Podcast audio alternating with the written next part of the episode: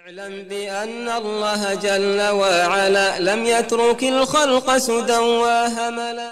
اعلم بأن الله جل وعلا بسم الله الحمد لله الصلاة والسلام على رسول الله. استعين بالله لا حول ولا قوة إلا بالله.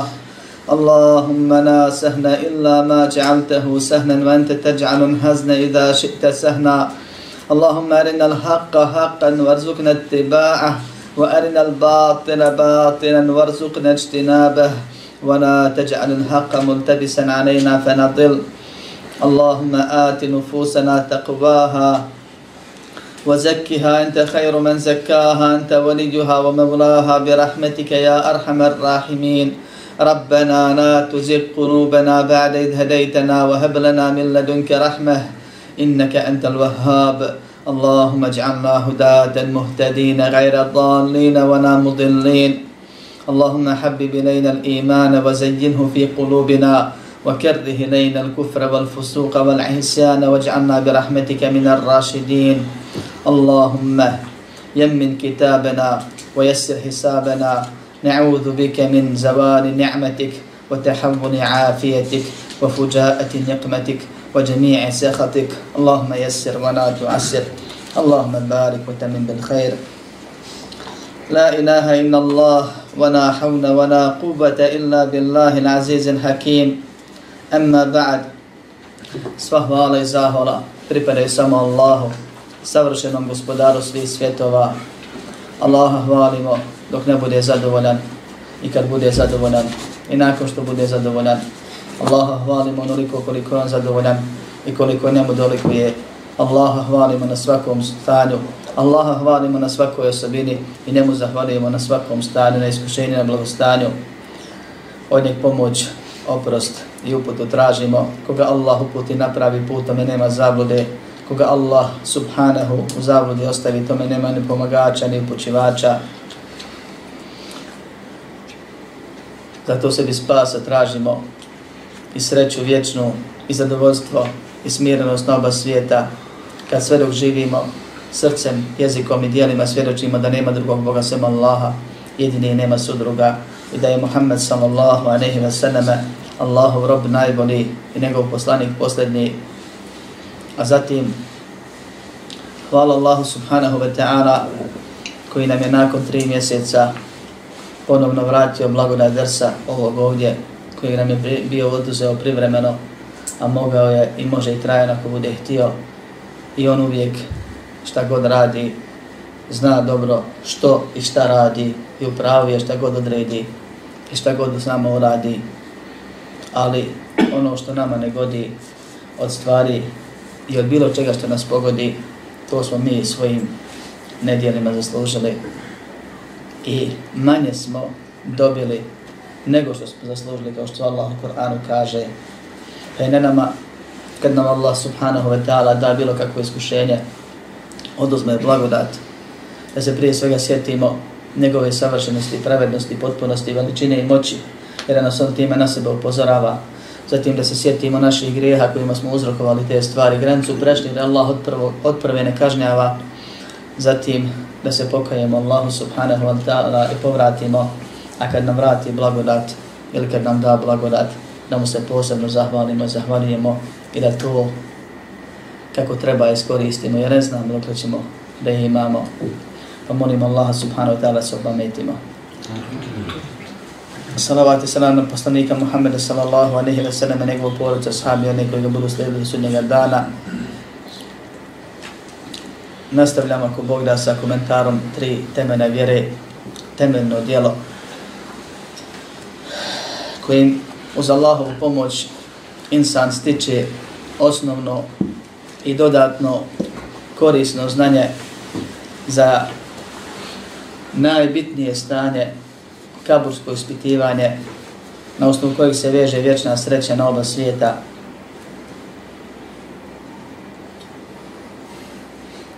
Nakon što smo govorili o poslaniku sallallahu alaihi ve sallame, onim osnovnim podacima o njemu koje je musliman trebao da zna jer kaže ešhedu enne Muhammeden Rasulullah. Svjedočim da je Muhammed sallallahu alaihi wa sallam Allahu poslanik, čovjek mora da zna ko je taj Muhammed sallallahu alaihi wa sallam koga svjedoči ili za koje svjedoči da je Allahov poslanik, prije toga treba da zna ko je Allah i da zna osnovne stvari o Allahom stanju poslanicima. I to smo govorili kroz ovu knjigu u prethodnim predavanjima.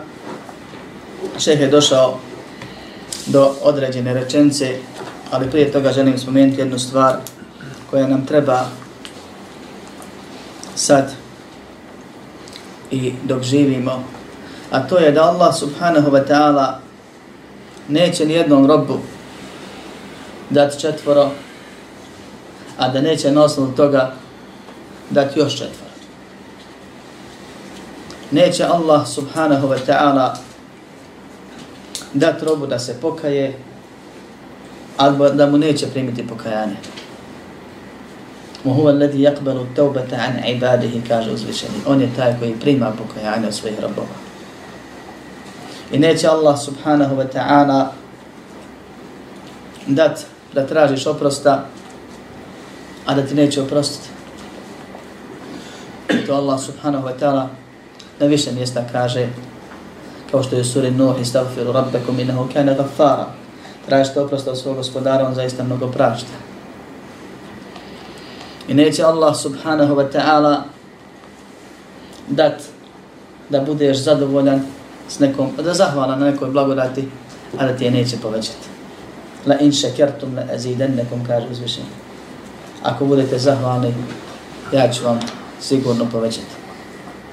I neće Allah subhanahu wa ta'ala dat da doviš i ruke ti prazne vratiti nikad.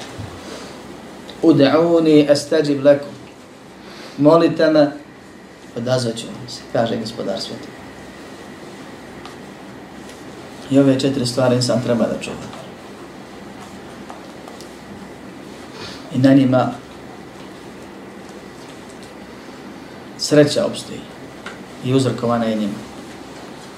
Ima tu još stvari. Ali ove su spomenute u jednom hadisu koji ima slabosti lancu prenoslaca i u izrekama učenjaka posebno, a dokazano su ajetima koje sam citirao, ili dijelovima ajeta. I kad pogledam ove četiri stvari, dvije su vezane za grijehe i oprost grijeha. I pokajanje. Dova je opšta za svako stanje, a za blagodat su vezane je zahvalnost. Pola od onoga što je najbitnije vezano za moje i tvoje grijehe i čupanje i vađenje iz toga stanja. Jer su grijesi uzrok svih belaja, svih nedostataka, svih košnica u životu. I grijesi su ono zbog čega se Allah subhanahu ta'ala srdi na ahiretu i kažnjava na ahiretu. I prošli put u četvrtak, kad smo imali ders koji nije tema ovog ciklusa, govorili smo i ponavljamo ovdje da je sučenjaci govorili izreku zanimljivo nemoj se narat osim od Allaha i nemoj se plašiti osim svojih grijeha. Allah kaže bojte se mene. I Allah kaže bojte se vatri. I Allah nas poziva se bojimo njegove kazne. Međutim, Allah subhanahu wa ta'ala je dobročinitelj, lijepi, dobri i ostale osobine i on te neće kazniti ako nisi pogriješio. Pa ako da nije greha, ne bi se morali bojati. Allaha u tom smislu. I da nije greha, ne bi se morali bojati vatre, jer zbog greha se ide u vatru. I kazne na sudnjem danu, i kazne u kaboru, i iskušenja na ovom svijetu. Čovjek treba da motri na te stvari, jer Allah subhanahu wa ta'ala je toliko dobar da kad mu se približiš beden, on ti priđe lakat. I kad mu priđeš lakat, on ti priđe rukohvat. I kad mu priđeš pješke kreneš, on ti dođe trčeći kao što je došlo u hadisu, ali od tebe traži da kreneš. Da kreneš, da se pokreneš, da se promijeniš, da shvatiš i prihvatiš. Da moraš da se promijeniš na bolje. Da nikad sa svojim stanjem ne budeš zadovoljan dok se živi. Uvijek može i mora bolje. Gospodaru naš, mi moramo i trebamo biti bolji gospodaru naš, pomozi nas da budemo bolji. Nakon što je šeh spomenuo osnovne podatke o poslaniku Muhammedu sallallahu aleyhi ve seneme, gdje je rođen, koliko je živio u Mekki, koliko u Medini, kad je postao poslanik, koliko je trajala poslanica. Kao što je sve u nekoliko rečenica rekao Ibn Abbas u hadisu poznatom vjerodostojnom, kad kaže poslanik alaihi salatu wa je dobio objavu sa 40 godina u Mekije, proveo pozivajući 13 godina. Nakon toga mu je naređena hijđra pa je u Medini pozivao i živio 10 godina. Nakon toga je umro sa 63 godine. I ove osnovane okvirne stvari musliman treba da zna.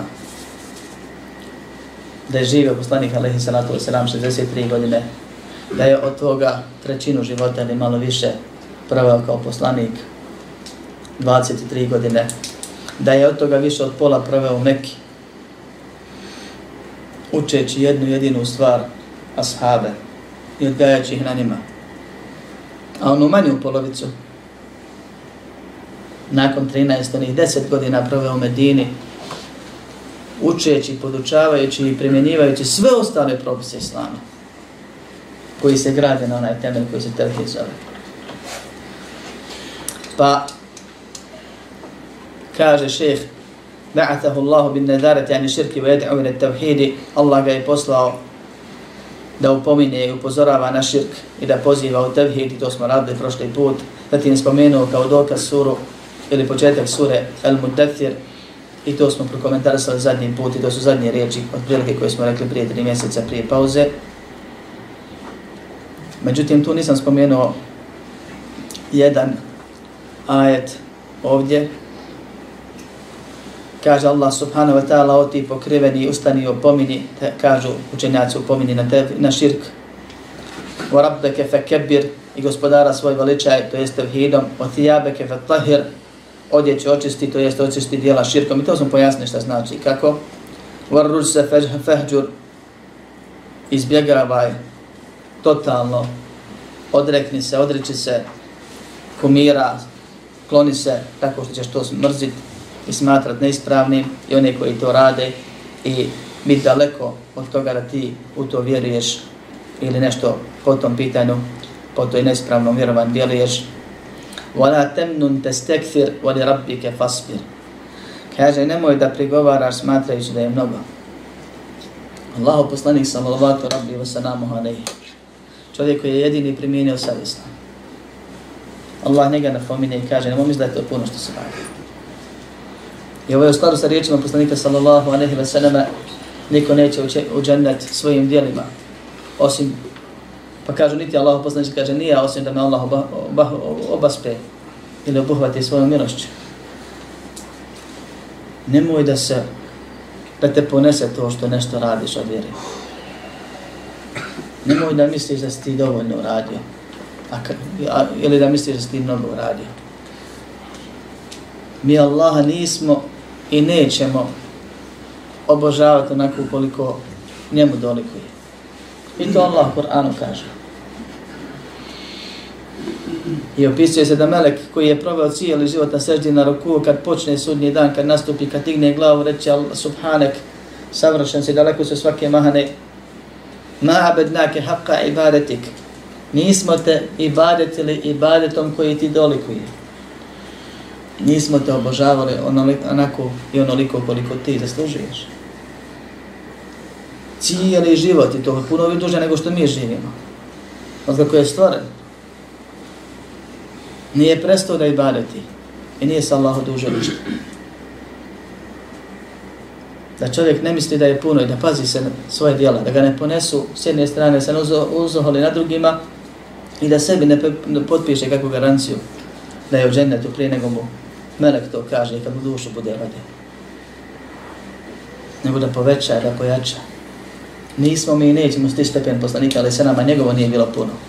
Pa sad zamisli koliko je moje i tvoje. Uvjeri se moraju uvijek postavljati novi ciljevi, novi izazovi. Granice pomjerat stalno. Probat nemoguće da znaš granice moguće. Nemoj govoriti ne, dosta je, ne mogu ja više i ostalo isprobuj. I nemoj reći suđenog da bude ovako. Ja ne znam ni šta je suđenog ne probaj. Trudi se napreduje, planiraj, na duže staze. Diži se kad posrneš, posrnut ćeš insan si normalno, je šeitan i soko tebe, ne jedan. Ali nisu jači od tebe. I nisu sigurno jači od tvojeg gospodara koji je s tobom ako mu kreneš. Ti pedar, on lakat. Ti tražiš malo, on ti daje više. Pa nemoj prestati da tražiš dok se živi. Allahovu milost kroz pokornost njemu i povećanje i ustrajnost. Voli rabbike fasbir i ustraj, posaburi radi svog gospodara. Kaže šeheh nakon toga, to su bile zadnje riječi koje smo mi završili, kaže šeheh nakon toga, ehada ana hada ašara sinina jedu ila tevhidi, wa ba'dan ašri urđa bihi ila samai, wa furidat alaihi sanavatu l-khams, wa salla fi mekete thanatha sinina, wa ba'daha umira bil hijrati ila medinati. I tu ćemo stati večeras. Rečenica, inša Allah, malo duša. Kaže, proveo na ovome deset godina. Na čemu je poslanik Alehi Salatu wa Selam proveo deset godina? Na pozivanju nevjernika i usađivanju, odgajanju vjernika u tevhid, odnosno na tevhid. Na vjerovanju u Allahu jednoću. Nije to teorija, vjeruješ Bog jedan i to je to. Daleko je to to. Što ga više upoznaš, više i bolje mu robuješ. Poznaješ ga preko njegovih osobina, poznaješ ga preko onoga kako se obhodi prema tebi, od blagodati, od primljenih dova, od iznenađenja koje počasti sve na vrijeme. Upoznaješ ga i preko svoje slabosti. Vidiš da nije to tako. Upoznaješ ga kad te kazni i opomene, a ti je nevaran bio mislio da si dobar i da možeš tako vječno ko što si radio. Upoznaješ ga svakim povećanjem njem dobrih dijela kad ti kreneš malo pa ti Allah daje još više zato što si krenuo malo. Upoznaješ ga preko njegovih zakona na zemlji pravila. Kako činiš, tako ti se vrati. Preko njegovog čuvanja. Kad saznaš i vidiš od čega te sve sačuvao i kako te iz nekih belaja iščupao. I tako dalje, i tako dalje što više i duže po islamu živiš, to više i bolje u Allaha vjeruješ, to više mu tevhid ispoljavaš, to više u njegovu, u njegovu jednoću vjeruješ, više ga jednim jedinstvenim posebnim smatraš i više po tom tevhidu radiš. Bukvalno živiš islam. Wallahi. Živjet Kur'an i sunnet je nešto što se ne može ničim platiti. Neprocijenjivo. Nema većeg i boljeg zadovoljstva od toga još na ovom svijetu. Živjet Kur'an i sunnet. To počinje u početku da ti vjeruješ da tako treba. Da se pripišeš i kažeš hoću po islamu, hoću po objavi, neću drugačije, neću novotarija. Ali to traje i raste sa rastom spoznaje Allahu subhanahu wa ta'ala o njegovim propisima, o njegovim pravima kod robova, o našim pravima kod Allaha i obavezama prema njemu. To se povećava svakim novim uveđenjem nove stvari, novog ibadeta. To se povećava i sve ono što to prati od osjećaja sa svakim ostavljanjem Allaha radi nekog grijeha ili loše navike. Deset godina je to usađivao poslanik Alehi Sanatu Vesanam ashabima. Pozivao ih da vjeruju u Allahu jednoću, da vjeruju u Allah, da se odreknu širka, da mrze širki mušrike da se ih smatraju svojim i Allahovim neprijateljima, da se protiv njih bore onako kako je propisano u određenom vremenu, riječju, pozivom, a kasnije kako je propisano i kad bude propisano i drugim sredstvima pozivao ih u to i na tom odgajao. Allah je naredio namaz ranije. I klanjali su dva namaza. Veličaj svoga gospodara prije, kaže, ovaj, zore i prije zalaska, pa se tu razilazi da li je sabah i kindija ili sabah i akšan, imaju drugi dokazi. I najjače, Allah najbolje zna, je da je su klanjali dva rekiata, dva namaza, sabaha i akšana, dnevno. I to ne odmah u samom startu. U početku je to propisano. I poznate da je dava jedno vrijeme bila tajna, iako neki učenjaci to sporavaju. Pa je Allah subhanahu wa ta'ala dao da se obznani u smislu ja obožavam samo to. Pa mu je Ebu Leheb rekao, dobro, radi to hoće, zašto zbog toga. I ono što je rekao, pa je propao zbog toga. Pa je naređeno da poziva svoju bližu rodbinu posebno. Pa je naređeno fasde' bima tu'ma. Izađi s onim što ti je naređeno. Šir, pričaj, poziva. Pa je počeo da govori da je, da je širk zlo i da se mora odreći i da su božanstva beskorisna i da je nenormalno i nevjerski neispravno molit se bilo kome sam Allahu subhanahu wa ta'ala pa su počene neprijateljstva i trajali su i povećavali se. I u tih deset godina nakon sedam godina otprilike došlo je do toga da ne smiju da ga ubiju radobi zbog tih plemenskih odnosa koji ste vrijedili, a ne mogu ni da ga očima gledaju. Allahov poslanika Muhammeda sallallahu alejhi njegove sahabe. Pa je Allah subhanahu wa ta'ala iskušao poslanika izolacijom trogodišnjom. Ne samo izolacijom. Zbog koje kukamo sve živo ima. Nego izolacijom u jednom gaju okruženom s tri strane geografijom, reljefom i barikadom mušičkom sa četvrte strane zatvor malo veći, gdje su se povukli muslimani nakon bojkota ili prilikom najave bojkota, po, po, posle najave bojkota, i određeni mušlici iz plemenskih razloga, ono kad mogu, nećeš, nećeš i mene. I dio mušlika, uglednika mušličkih iz Kureša, plemena, ogranci plemena, I poslanik Muhammed sallallahu alejhi ve sellem su provali tri godine u zatvoru, malo većim, širim, u totalnom ignorisanju izolovanosti. Džaba im pare, niko nije smio prodati im ništa, niti je htio. Javno je bilo zabranjeno, krišom su pojedinci nekad nešto rade, snalazi se zatvorili su i provjeravali ko ulazi i ko izlazi, da im neko unio šta. I mnoge druge stvari. Do te mjeri reda ashab pripovjeda i kaže o silne gladi, jeli smo šta god nađe. I kaže, nikad neću zaboraviti jedno večer kad sam išao skroz gladan i stao na nešto ligavo po mraku, pa sam to progutao i dan danas ne znam šta sam pojel. Oni su trpili Allaha radi. I kasnije je Allah uzdigao na ovom svijetu i da, dao im je i da će im najveće nagrade na ahiretu.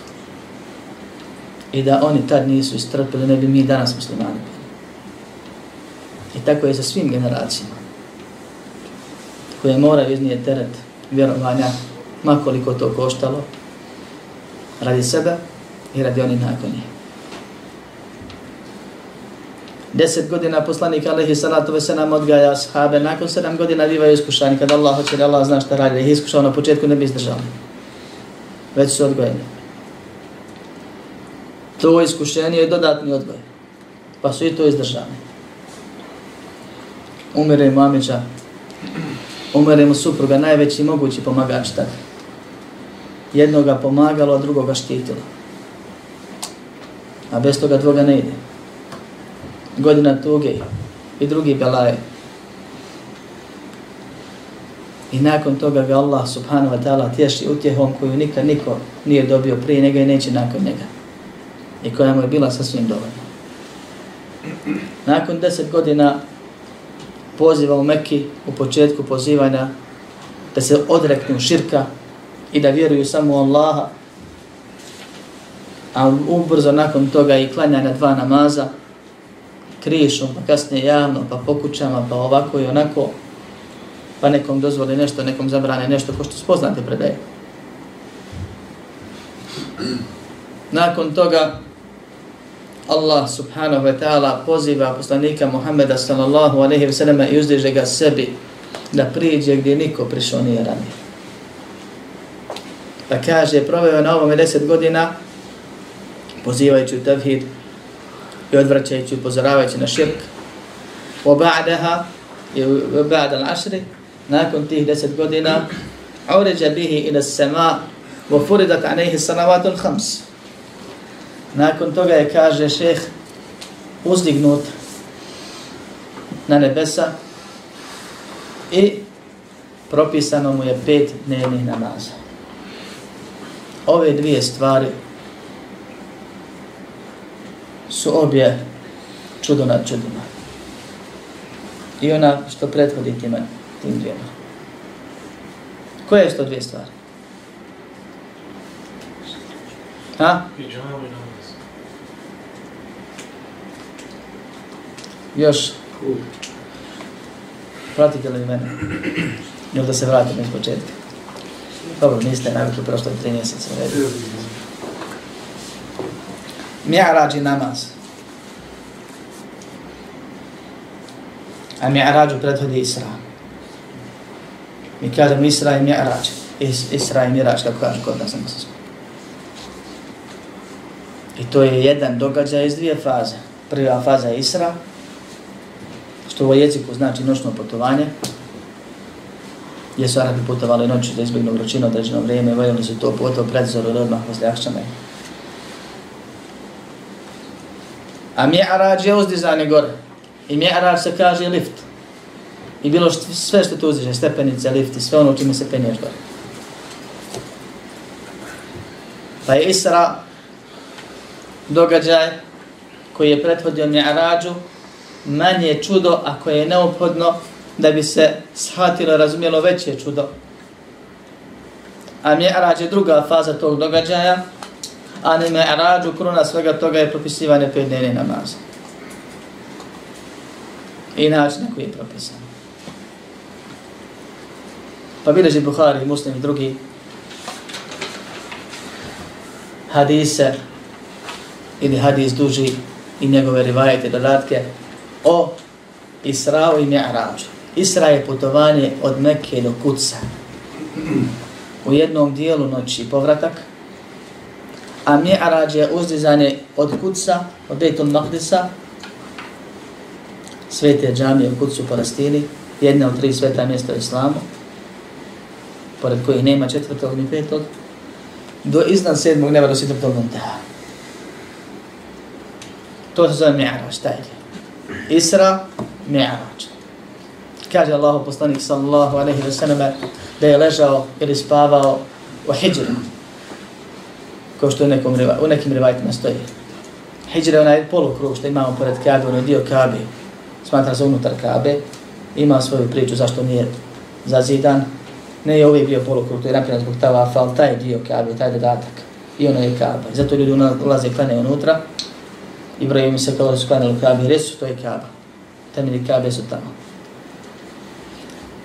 Poslanik Alehi Salatu Veselam je spavao tu ili ležao tu i došao mu je Džibril. Melek Džibril, Al-Amin. I doveo bijelu, veliku, zanimljivu, čudnu, neobičnu životinju koja je veća od magarca, a manja od mazgi, ali tog je otprilike izgleda. I rekao da je to burak, tako se zove. I ta životinja stavlja svoje stope tamo dok dopire pogled na kraju horizonta. Znači dva, tri koraka i prijeđe dio. Ogromne razdaljene. I rasjekao mu je prsa i do dna trbuha od udubine ispod vrata pa do dna trbuha Džibril alaihi sallam poslaniku sallallahu alaihi wa sallam i izvadio srce i oprao ga u zemzemu i u nekim govoru Leme stoji da mu je ulio određene fluide koji mu pomaže da izdrže ono što slijedi. A već mu je jednom opravo srca davno prije, da bi ga pripremio za poslanstvo, ovo je priprema za nešto što insan, ljudsko tijelo, insan u, u normalnim uslovima ne može izdržati. Za putovanje uživo kroz nebesa. Zatim je poslanik alaihi salatu wa sallam zajahao buraka i poveo ih je Džibril ka kucu. Pritom je u povratku naišao na karavanu, karavanu mušrika, želim spomenuti uspud jer će nam trebati kasnije za dokazivanje akidetskih nekih aspekata Isra i Mi'rađa. Pa je kaže, stigavši pred kuc, za kratko, veoma kratko vrijeme, s obzirom na tolike korake pravi ta životinja, svezao buraka i u mraku došao do, do džamije Betul Maktis, svezao za stup životinju, ušao unutra, zatekao vjerovjesnike i poslanike sve, klanjao im namaz, predvode im namaz. I to je jedna od niz počasti koje je Allah ukazao poslaniku Muhammedu sallallahu alaihi sallam te noći. A zatim je kaže, Auriđa bihi le sama. I ovo je predmet razilaženja leme, da li se ovo shvata baš doslovno ko što je došlo, što je preče ispravnije, ili se smatra što je ovo in, infinitiv i naziv, ili se, i može se oboje, znači nije greška, nije tumačenje ono krivo na koje smo upozoravali da su pitanje sifati Allahova svojstva, ili se smatra da je to dijelo. Jer mi'arađ je riječ koja znači uzdizanje, bilo koje uzdizanje, i mi'rađ je naziv za lift pokretne stepenice, ne znam ja nešto što to uzdiže. I oboje se kaže mi'rađ uzdignut sam ili uzdignut sam ti. Pa dio učenjaka tvrdi da je naziv uzeto djelo, da je to upitano djelo. Da je poslanik alaihi salatu wasalam onako kako Allah samo zna i da nije spomenuto nakon što je klanjao u Betul Maktisu uzdignut na nebo. A drugi dio učenjaka kaže piše ti. Samo ti se kaže, rekao je Me'rađ uzdignut je određenom spravom. Određenim dizalom. Allah zna kako je. Do prvog neba, koji je postavljen. Kad je Allah mogao dati buraka, što nije mogao dati tu? Spravo. Pa je jedno i drugo mišljenje islamskih učenjaka i nije greška vjerovati ovako ili onako. Allah tačno zna kako je bilo. Uzdignut je poslanik Alehi Saratove Sanam na sedmo nebo ali onako kako dolikuje robu Allahom, a ne prevarantima u ime vjere, za koje neke znamo da sjede u društvu svojih murida, pa se zagleda ovako gore, pa nešto meditira, i onda kaže, otvorila mi se sva nebeska vrata i čitao sam iznadaša šta piše, pa im nešto slaže. A Muhammed alaihi salatu wasalam, kad mu Allah naredi i pozove ga da mu priđe iznad sedmog neba, ne može tek tako da mu se otvori pa da ode gore.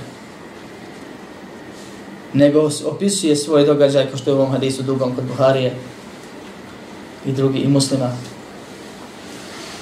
I kaže, pa sam to se se popijeli ili uzdignut sam do, se, do prvog neba. Pa je Džibril pokucao pokucao na što? Na vrata. Vrata čega? Oblaka. Naučili smo. I milion je hadisa ajeta na tu temu. Da je nebo ploča. Da je nebo plafon. Da nije nebo ovaj zrak. Ovo je prostor između zemlje i neba. Ovo plavetno koje mi vidimo. I ove planete. I ova, ovo što naše zovu svemir. To je prostor između zemlje i neba. Allah kaže da je zvijezde, zvijezdama ukrasio nebo naše dinamičko. Pa je došao do dinjaličkog neba, ovog prvog neba gore. Nakon 500 godina, čega, kako. Hoda koliko treba da se dođe do njega. Kretanje nekoga. Pa je došao i pokucao na vrata, pa je Džibril upitao ko je? Kaže Muhammed. Džibril Muhammed. Kaže, zar je posla? Ne zna Melek. On radi svoj posao. On otvara i zatvara vrata. I on zna kad mu dođe Muhammed alaihi salam da mu ga treba pustiti. I da će reka doći. Kaže, jeste poslan. Pa prolazi na prvo nebo i sreće Adema alaihi salam koji ga pozdravlja i dovi za njega. Pa se penije, nakon kraćeg razgovora, penije se na drugo nebo i ne ilazi na vrata i kuca na vrata i procedura se ponavlja. Ne otvara se sve redom gore.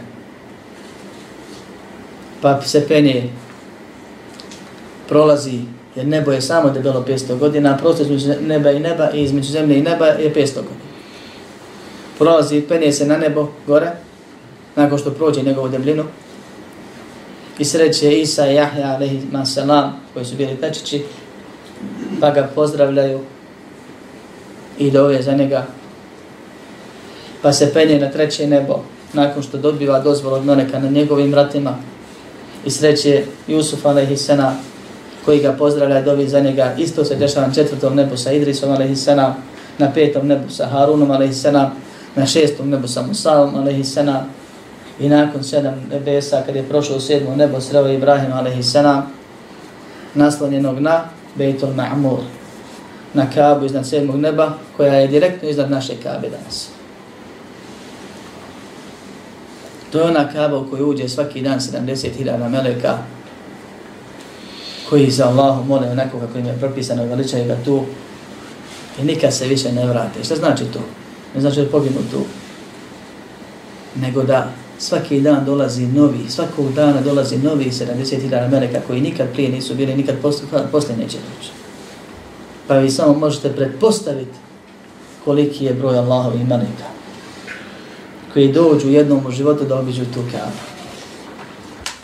I tu Allaha mole i veličaju. Pa je nakon toga uzdignut iznad sedmog neba malo do drveta koje zove Sintratul Munteha, čiji su listovi poput slonovih ušiju veliki, a ljepotu samo Allah zna. Pa je Allah u tom momentu spustio na Sidratul Munteha određeno stanje svjetlosti, smiraja i ljepote za koje kaže poslanik Alehi Salatu Veselam to nikak, niko od ljudi nikad ne može opisati šta on doživio i u što mu je Allah samo to drvo pretvorio. I šta se dogodilo u tom momentu? Kada je vidio to drvo. A to je drvo gdje se završava Allahova drba. Od odzgo dolazi tu pa dalje se širi. Po nebesima ili zemlji tamo gdje treba. Kaže, vidio sam nešto što ne može se opisati riječima. Od ljepote. Jedno Allahovo stvorenje. kako li je tek lijep žennet? Kako li je tek lijepo Allahovo subhanahu ta'ala lice? Ono Molim Allah da nas počasti gledaju. Nakon toga kaže da je čuo zvuk pera kako piše Allahove odredbe i čuje riječi Allaha subhanahu wa ta'ala koji mu je propisao 50 dnevnih namaza da on i svi mi trebamo klanjati. Sjećam se mog djeda Rahimahullah koji je između ostalog u silnom trudu da nas sve pozove da klanjamo, kad god ustane da klanja govorio, klanjamo svaki da ih je 50. I zaista je u pravu bio. I da je 50, mi koji klanjamo 5, klanjali bi 50. A mi Allah subhanahu ta'ala onako kad nam je poznato, propisao mu 50, pa se vratio do Musa, pa Musa rekao, nećeš moći, ja sam probao dao za Beno Israilom, znam kako ide, neće moći. Vrat se svom gospodinu, to sve Allah odredio tako. Pa se vraćao i sve mu skidao po pet, dok nije ostalo na pet dnevnih namaza. Pa je nakon toga Allah uzvišen je rekao da ostaje nagrada, a smanjuje se obaveza. Naredio sam 50 pa sam spustio na 5, ko bude klenut 5, imat će nagradu za 50. Moj Musa, ali sam rekao, traži još. I upravo je bio s aspekta da nećemo moći podnijeti. I da se kod muslimana dešava svako malo, nažalost, da budu iskušani time da ostave namaz, da bude iskušan, pa ako padne, padne, a mnogi padne, nažalost. Kako vrijeme prolazi, sve je više onih koji se smatraju muslimanima ne klanjaju. Što je nemoguće u šarijetskim tekstovima. Pa kaže, postidio sam se svoga gospodara i to je to, jer Allah nije dao više da se vrati. Zato je neispravno se šaliti, kao što sam čuo jedne prilike jednog, što se kaže, nije još vratio da nam bude lakše i tako dalje na Allah je to htio tako, mogu je Allah odnadati. I Allah je zaustavio gdje je htio. I nema tu što. I nije ovo pijasa da se cjenkamo. Ni se poslanik sa Allahom sa Allahom cjenkao, ne ovdje ni se mi smijemo se propisma cjenkati. Nego naučiti primijeniti. Allah subhanahu wa ta'ala je pozvao poslanika alaihi salatu wa salam da mu priđe najbliže što može rob prići rabbu. Gdje nikad niko prišao nije prije njega. Čak se spominje u nekim predajama da je Džidil ustao prije i rekao ja da ne mogu. Ne znam vjerodostojnost. Da priđe gore da mu kaže trebaš ti o Muhammede sallallahu alaihi sallam i trebaju tvoji sljedbenici koji se muslimanima nazivaju, koji hoće u džennet, trebaju klanjati pet vakat namaza. Sve ostalo mi je spustio na zemlju. Poslao Džibrila nadahnu ga osnovima i da objavio onako kako je objavljivao Allah na poznata tri načina. A za nama, zbog njegove bitnosti, kad je uzdigao poslanika, da sana nad ostalima, pa su ga svi pozdravljali, pa su svi za njega doveli, pa im je imamio i klanjao na ostalim poslanicima, uzdigao je namaz nad ostalim tijelima i kaže poslanik alaihi sallam, wa se nam va'nemu ane hajr usana. Znajte da je vaše najbolje dijelo namaz. Moje i tvoje, kad klanjamo i ostala dobra djela, sve u islamu radimo. Namaz je najbolji. I onima kad ih pozivamo, I oni koji se vade i kažu ja svašta nešto radim, ali nemam kada klanjamo, kažemo namaz je najbolji. I namaz je temelj. I bez namaza nema vjere, to je Muhammed alaih salatu se nam rekao. Inne bejne ređuli o bejne širki wal kufri terke sana, kao što je kod muslima sahihu. Zaista je. To je ko zakljetva. Poslanik ali sam da ne kaže zaista mi mu vjerujemo. Ali ovdje zbog bitnosti da pominje. Kaže zaista, sigurno, pazi, između čovjeka s jedne strane i kufra i širka s druge strane je samo da ostavi namaz. Čim ostavi namaz, već je u nekom džađu. To je samo po sebi kufr širka. I bez obzira na to što su se kasnije pod utjecajima kide, šarijske, maturidijske, džahmijske i druge, mnogi učanci različite oko toga da li je ostavljaš namaza ne ili nije, a mnogi od njih kažu zato što je to dijelo, pa se vidi da su to akireske pobude, ne gledanje u dokaze, ashabi su se složili, i tabini se složili, i kuransko-hadijski tekstovi su se složili, bez izuzetka, na tome da onaj ko ne klena nije musliman, ne može biti. I umjesto da se uvrijedi, uvrijedi, na njemu i da proklanja, jer se zahvali nekome što mu je ukazao na najveću moguću grešku u vječnom njegovom životu, koja ga je mogla vječno koštati. I ne trebamo se ustručavati da ljude tako pozivamo na najljepši način da im objašnjavamo, da tu temu otvaramo. Jer ako mu tu valjamo, valjali smo mu svemu. I ako ga tu izdamo, izdali smo ga u svemu, džabam, ostalo. Zbog bitnosti namaza Allah ga je propisao na sedam nebesa, sve ostalo na zemlji. I smilova nam se ili nas opteretio ni sa deset, ni sa petnaest, nego samo sa pet i poslao Džibrila na zemlju da pokaže poslaniku a.s. namaska vremena. Nije rekao u podna je u 12 i koji je neklanjao do 12 i 10, taj nije klanjao podno. Pa ti čitao život moraš biti spreman u 12 i 10, u 5 i 10, u 7 i 10 ili ne znam nijakad. Nego nam dao ramaska vremena da imaš roka po 2 sata. Otprilike nekad više, nekad malo manje. Da klanjaš tih 10 minuta vremena. I propisao ti kasnije zaštitu tog namaza kako bi ga, kako treba Allah predao, jer to je najbitnija dnevnica, najbitniji posao. Dao ti uvjete kao pripremu. Da se abdestiš, da se pripremiš, da se da, da razmišljaš o njemu. Dao ti sunnete prije ili poslije ili prije i poslije. Kojima se popravljaju nedostaci u farzovima i kojima se insan pripremi kad klanjaš smiriš, malo iskočiš iz dunjalka pa ti treba vremena. Pa dok klanjaš sunet već u namazu. Pa sunet ne mora biti kako treba, a onda se prilika, ako nije bio kako treba, onda si na farzu kako treba, inša I zato čovjek mora da pazi kad je njegov namaz u pitanju. Kad je njegov farz namaz u pitanju posebno. I da staneš I čim počneš da klanjaš, kao što kaže šeheh Šenkiti, hafidahullah, kad staneš pred Allaha da klanjaš, zapitaj se, da li ovaj moj namaz, da li doliki Allahu da mu ovako klanja? Da li dolike je meni da Allah ovako klanja? Jer našim riječima, bil ga ti se primio. Mi znamo dobro kako gledamo kad nam ko šta radi. Jel nam spušao, jel nam je uradio. Jel nam u šaku parica što mu platimo za radio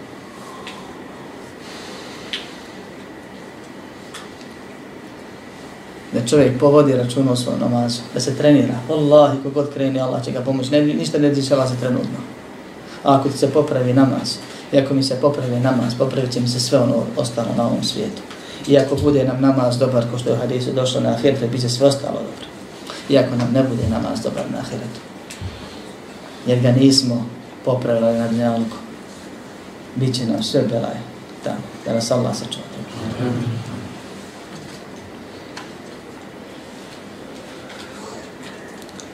Posalla fi mekete thanaci sinin, kaže, klanjaju Mekke pet dnevni namaza koji je već spomenuo ranije, tri godine. Veliki dio učenjaka smatra i tvrdi, ponavljam, da je muslimanima bio propisan namaz općenito i to dva namaza jutrom i večerio po dugi niz godina prije ovog događaja, a zatim je Allah subhanahu wa ta'ala potpunio broj namaza i oblik namaza i namazka vremena podijelio kad su već navikli da robuju. A tek dolaskom u Medinu, kao što govori Aisha radijallahu anha, upotpunjen je broj rekiata nakon hijri. Što znači da su muslimani u Mekiji tri godine klanjali pet namaza po dva rekiata, osim akšan koji je tri. Kao što klanja putnik. Pa kaže Aisha radijallahu anha, nakon što je spomenula kakav je namaz bio, kada je fa fi salati safari, vazide fi salate al-hadar, pa je ostala ta, ostao taj običaj, ostao ta, taj propis za namaz na putu, znači klanjali su ko su klanjali na putu, jer nije se promijenilo ništa. A povećan je broj kad je u pitanju namaz onoga koji je kući, koji nije na putu. Dakle, klanjali su tri godine popet namaza skraćeno, ko što mu safir klanja. A u Medini su klanjali potpunjeno. Osim Musafir i oni strahu i ostalo koji imaju svoje propise, da opet mogu vratiti na skraćeno. Pa ono što je skraćeno, to je osnova. A nije umanjeno. Neko se nekad ustručava da skrati, kaže kad mogu četiri rahat, nije to neki put ko prije ovo ono što bi klanio dva. Klanja je prihvati Allahu poklone, niko ne voli da mu se poklon odbija. I Allah voli da se koriste njegove olakšice ko što se koriste njegovi farzovi. Ali eto da ti još nešto dodam, to je osnova što radiš, nisi ništa umanjeno. Nego Allah do, dodao kasnije ostalima. Što ne znači da može čovjek kada je kući se reći ja ću osnovu. Allahov propis je propis i ostaje onako koje je propisan, ne mijenja se do sudnjeg dana.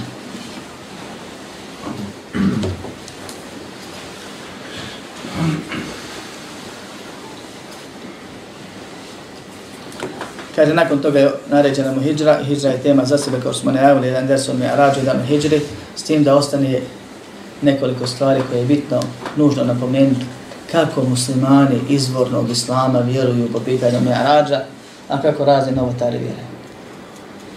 Allah se veliča u Kur'anu kaže Subhana alladhi asra bi abdihi lejna min al masjid al haram ila al masjid al aqsa.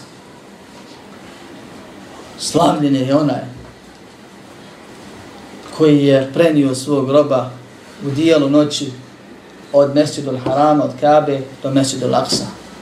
Džamija Aqsa u kucu. To je nešto bitno, to je nešto čudno. I onda dođu ljudi i kažu, poslanik Alehi Sanam je bio dušom, kaže nam Israo, a ne tijelom. Dušom. I dušom bio nam Mi'rađu, a ne tijelom. Tijelom bilo u Mekke.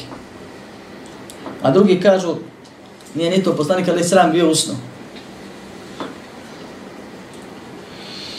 Ehli sunnet vel džemaat vjeruju da je poslanik alaihi Salatu Vesanam bio prenesen iz Mekke do Kuca, zatim od Kuca do iznad sedmog neba, makoliko to bilo daleko.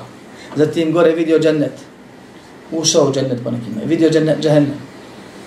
I vidio sve ono što je vidio i razgovarao sa Allahom, propisan i vraćao se i pričao sa poslanicima. I vratio se u Kuca. Zatim iz Kuca nazad. I preletio karavanu koja se vraća onako kako se ljudi vraćaju. Mjesec dana hoda je trebala sve da je vrati. dušom i tijelom u snu, a ne na javi. I to je čudo zbog kojih se Allah veliča. I niz dokaza je na tom. Da nabrajamo sad dokaze jezičke, šarijatske, ajete, hadise, sve ukazuje na to da je poslanik ali sram tijelom i dušom, i duša ne treba da jaše životinju,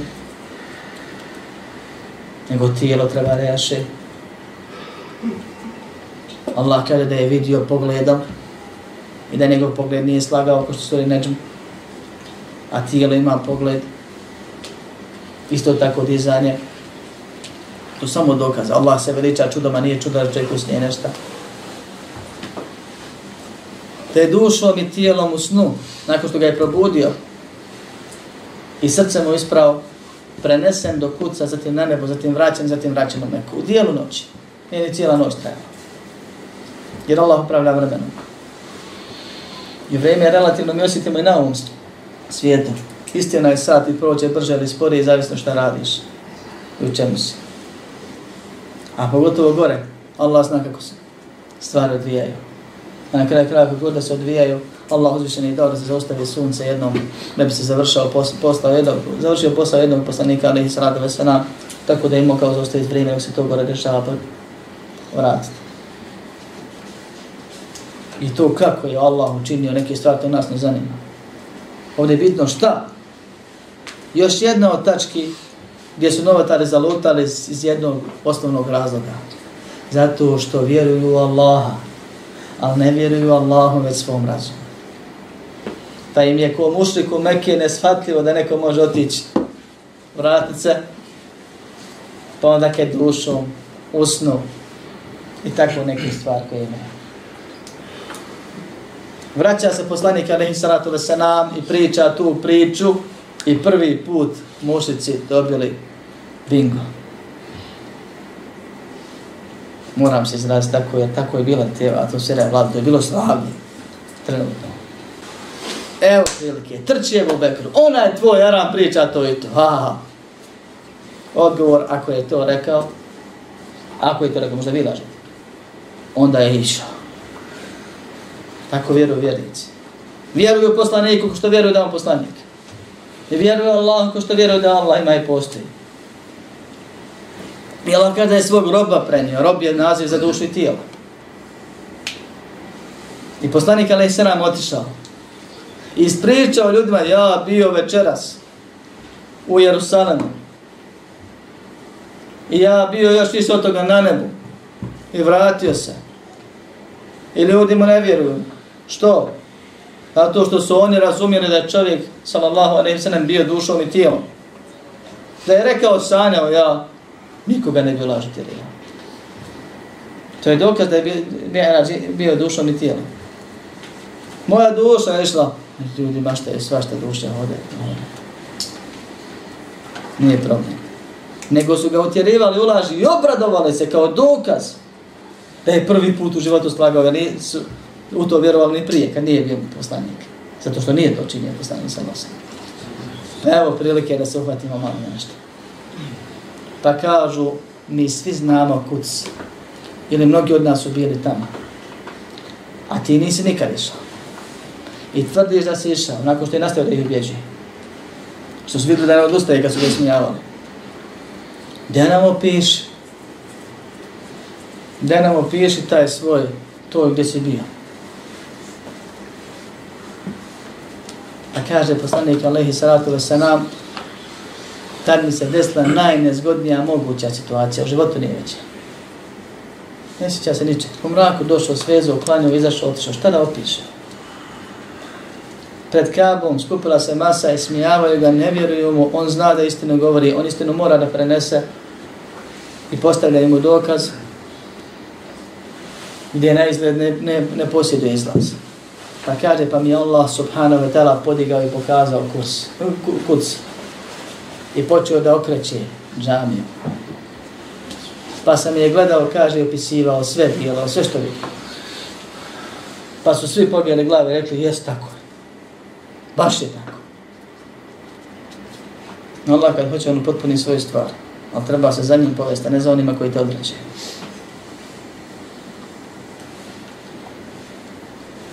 Pa je od dokaza da je poslanik Ali Sram bio dušom i tijelom to što ga ulažu tjerivali i to što se desilo. I još im je dodao i rekao, vidio sam vašu karavanu, tu su i tu, stiće toliko, tad i tad, je toliko im treba, na to su udaljenosti takvi su, takvi su, ima je toliko.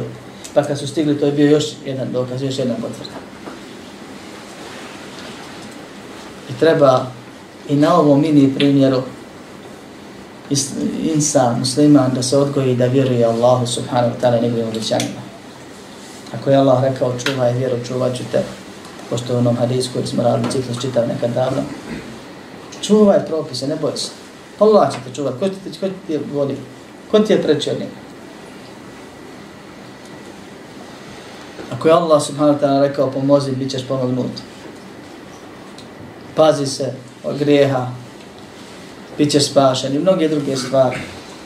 Na nama je da mu vjerujemo i da potom ne djelujemo i da se na ostalo ne osvrćemo. Da se usrećimo od danas pa nadalje budući. I da se na tome odgajamo. Sve počinje od pokornosti, poniznosti, vjerovanja, predanosti. To je islam, isti islam. Govorili smo o definiciji islamu. Predaj se. Osloni se na Allaha, nasloni se. Allah se neće izmaći. Nikad nije iznevjerio ni, ni jedno svoje obećanje. Osloni se, predaj se, prepusti se. Više nego med što se prepusti onome koga gasu. Jer ako te Allah bude okretao onako kako on voli i okreće sve robove, sigurno ćete okrenuti gdje treba i kako treba. A ako se ti budeš trzao, izmicao i bježao, gdje ćeš i kome ćeš od Allaha subhanahu wa ta'ala? Lijepo ovo priđete lako. Ali na meni i na vama je da ovo probamo ustrajno, probanje koje traje do smrti. Da uporno se borimo da ovo primjenjujemo.